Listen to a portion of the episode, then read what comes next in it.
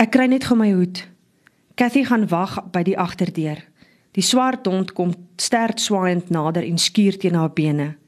Jy kan nie saamgaan nie, Roxie. Ons gaan nou Gertruida toe en jy weet jy's nie welkom by die duisels nie. Jy's 'n Marie, onthou? Sy vryf die kop tussen die groot ore. Hulle sê jy is nes die Engelse. Grou ons hele land vol gate. En Tannie Hetta sê jy's nie eers Engels nie. Jy is Skots. Dink jy die hele Skotland is vol gate? Jy moet bly. Jy is in elk geval al 'n bietjie oud. En Roxie gaan lê met 'n lang sug in die koelte van 'n taaibos. Tevrede om te bly toe sy hoor waarheen sy en Tannie Hetta op pad is, dink Cathy. Tannie Hetta kom by die agterdeur uit.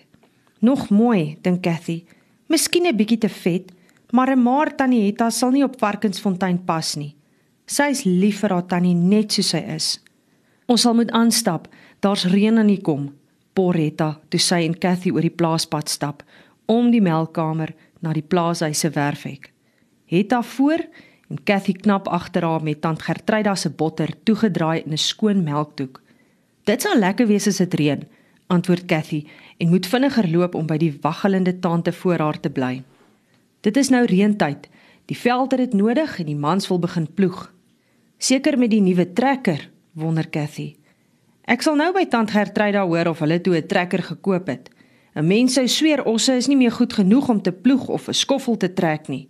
Osse was nog altyd genoeg vir Varkensfontein se lande. Ek hoor 'n trekker loop baie vinniger as osse en die ploeg wat 'n trekker kan trek, het tot 3 skare. Dit hoor jy seker by Henny en Dawid, want niemand op Muurshoop het nog ooit 'n trekker gehad nie. Ons kom nog altyd almal met osse kla. Nee, juffrou het vir ons vertel Henny, hulle praat nie met my nie. Ek het in die landbou weekblad by die skool daarvan gelees. Daar was selfs 'n prentjie van 'n trekker. 'n Mens kan nie alles glo wat jy lees nie. Koerante kan ook maar lieg, sê Hetta. Die Bybel kan nie jok nie. Tannie sê self so. Juffrou het vir ons uit die nuwe Bybel ook gelees. Sy sê dit is die Afrikaanse vertaling van die Bybel. Die Bybel in ons eie taal, het juffrou gesê. Dis vir my makliker om te verstaan as die Hollandse Bybel waaruit ons saans altyd lees.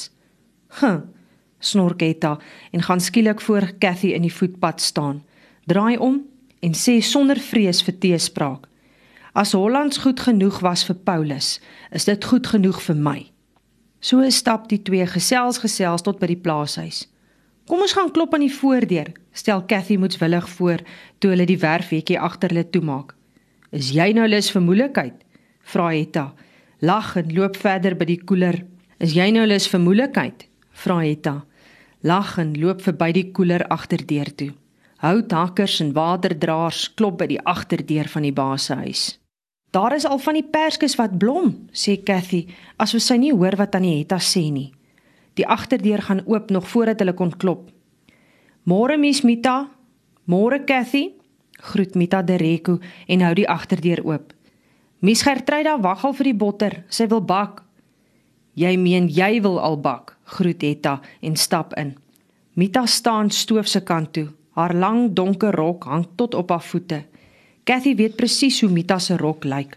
Grys met lang moue en 'n wit kragie. Mita het net een rok, al goed verbleik, van baie was, verduidelik Mita altyd. 'n Mens moet skoon wees. Die geel kopdoek ken Cathy ook. Die rooi een is net vir Sondag.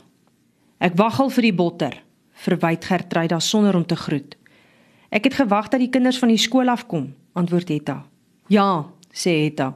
Ek wil amper die seuns oorstuur daar na jou toe. Henny, roep sy omtrent in dieselfde asem die huis in. Kom gesels met die kind, jy en David. Dit is nou juis net waarvoor Cathy niks lus het nie. Henny en David. Dis nie nodig nie, Tannie. Ek sit sommer hier buite onder die boom maar sy het skaars haar sit onder die perskeboom gekry of die twee billebakke storm op haar af. "Wat soek jy, weeskind?" groet Henny. "Weeskind," ekho David. Gelukkig kom Mita by die agterdeur uit met 'n glas gemmerbier en 'n soetkoekie vir Cathy. Dit is een ding wat iemand in die duiselhuis kan maak. Gemmerbier met die groot vet rosyne wat bo opdryf. Soetkoekie, sê Mita. Dit is altyd sy wat met iets vir Cathy uit die huis uitkom. Het jy vir my gevra of die kind iets kan kry? Vra hy nie. Ek het niemand gevra nie en ek vra ook nie vir jou nie. Gaan vertel maar vir jou ma en ons sien wie kry raas." Henny antwoord nie en hy bly onder die boom sit. 'n Wolk trek voor die son in. "Die reën kom," sê Mita, en sy bly staan totdat Cathy klaar gedrink het. "Ek weet julle twee seuns sal haar nie eens 'n slukkie in rus en vrede gun nie," sê Mita toe sy die leë glas vat. "Ek kyk vir julle deur die venster," waarsku sy en loop kom bys toe.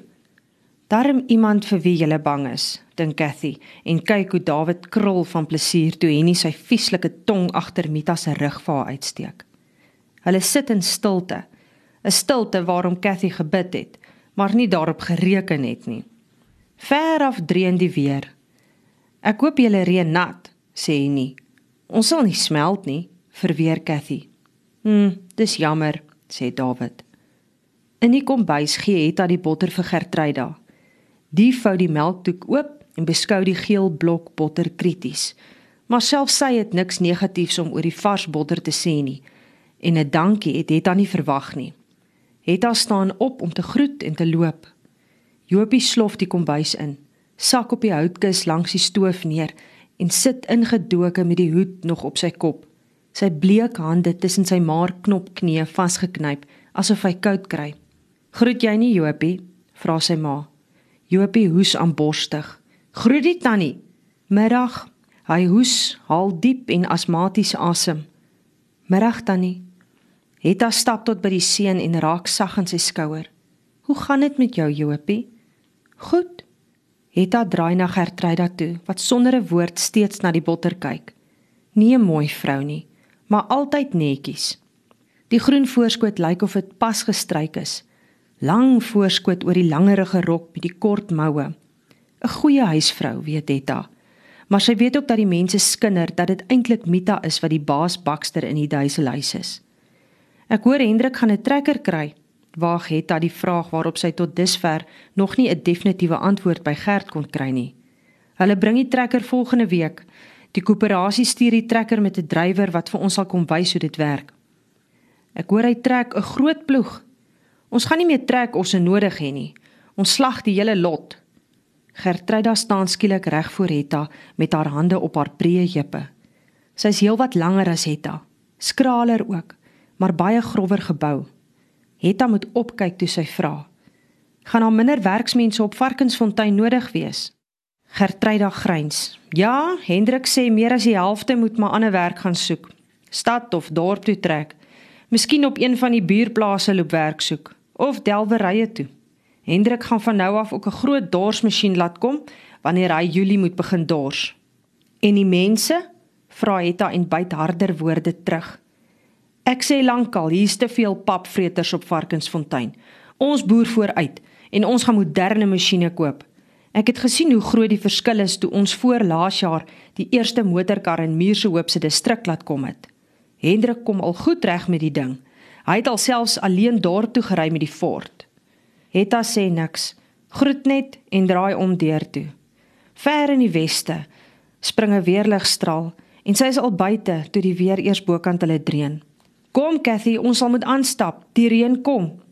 Hulle is nog net halfpad tussen die twee huise toe die eerste druppels val. Dit is nie asof hulle regtig hardloop nie, want die koel druppels is heerlik op hulle warm gesigte.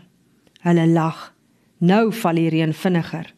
Ons sal moet hol, skree Etta en gryp Cathy se hand. Lagend hardloop hulle deur die reën, spring spring oor die eerste plasse water in die voetpad. Net voor die agterdeur gly Cathy in die uitgetrapte holte voor die agterdeur.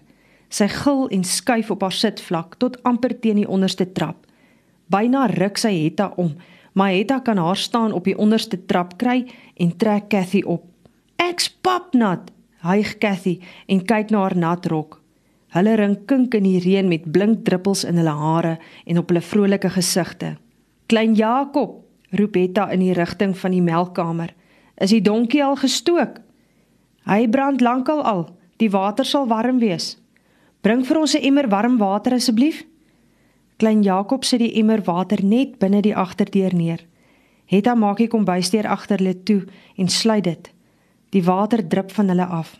Trek uit, sê sy vir Cathy en sy sleep die sinkpad onder die kombuistafel uit.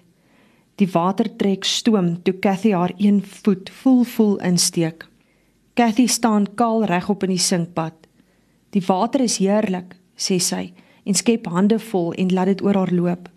Hetta staan vir 'n ruk in stilte na die kind en kyk. Hoe mooi en hoe skraal is sy nie. Nes haar oorlede moeder. Die kind is aan die groot word.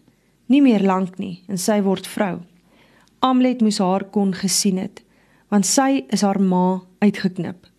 Ek kry die seep, sê Hetta en loop kamer toe. Dan is dit my beurt in die bad. Hulle is pas klaar gebad en droog aangetrek toe daar ongeduldig aan die agterdeur gehamer word. "Vir wat sluit julle?" vra Gert en trek die nat hoed van sy kop af. "Ons het nat gereën en toe heerlik gebad. Ek bring vir jou droë klere. Die water is nog warm. Kamer toe met jou juffroukie. Jy het nog nie eers huiswerk gedoen nie." Toe Hetta terugkom, sit Gert in die bad voor die stoof. "Ons kind is aan die groot word," sê Hetta, toe sy die droë klere op 'n stoel neersit. Ek wens haar ma kon haar sien.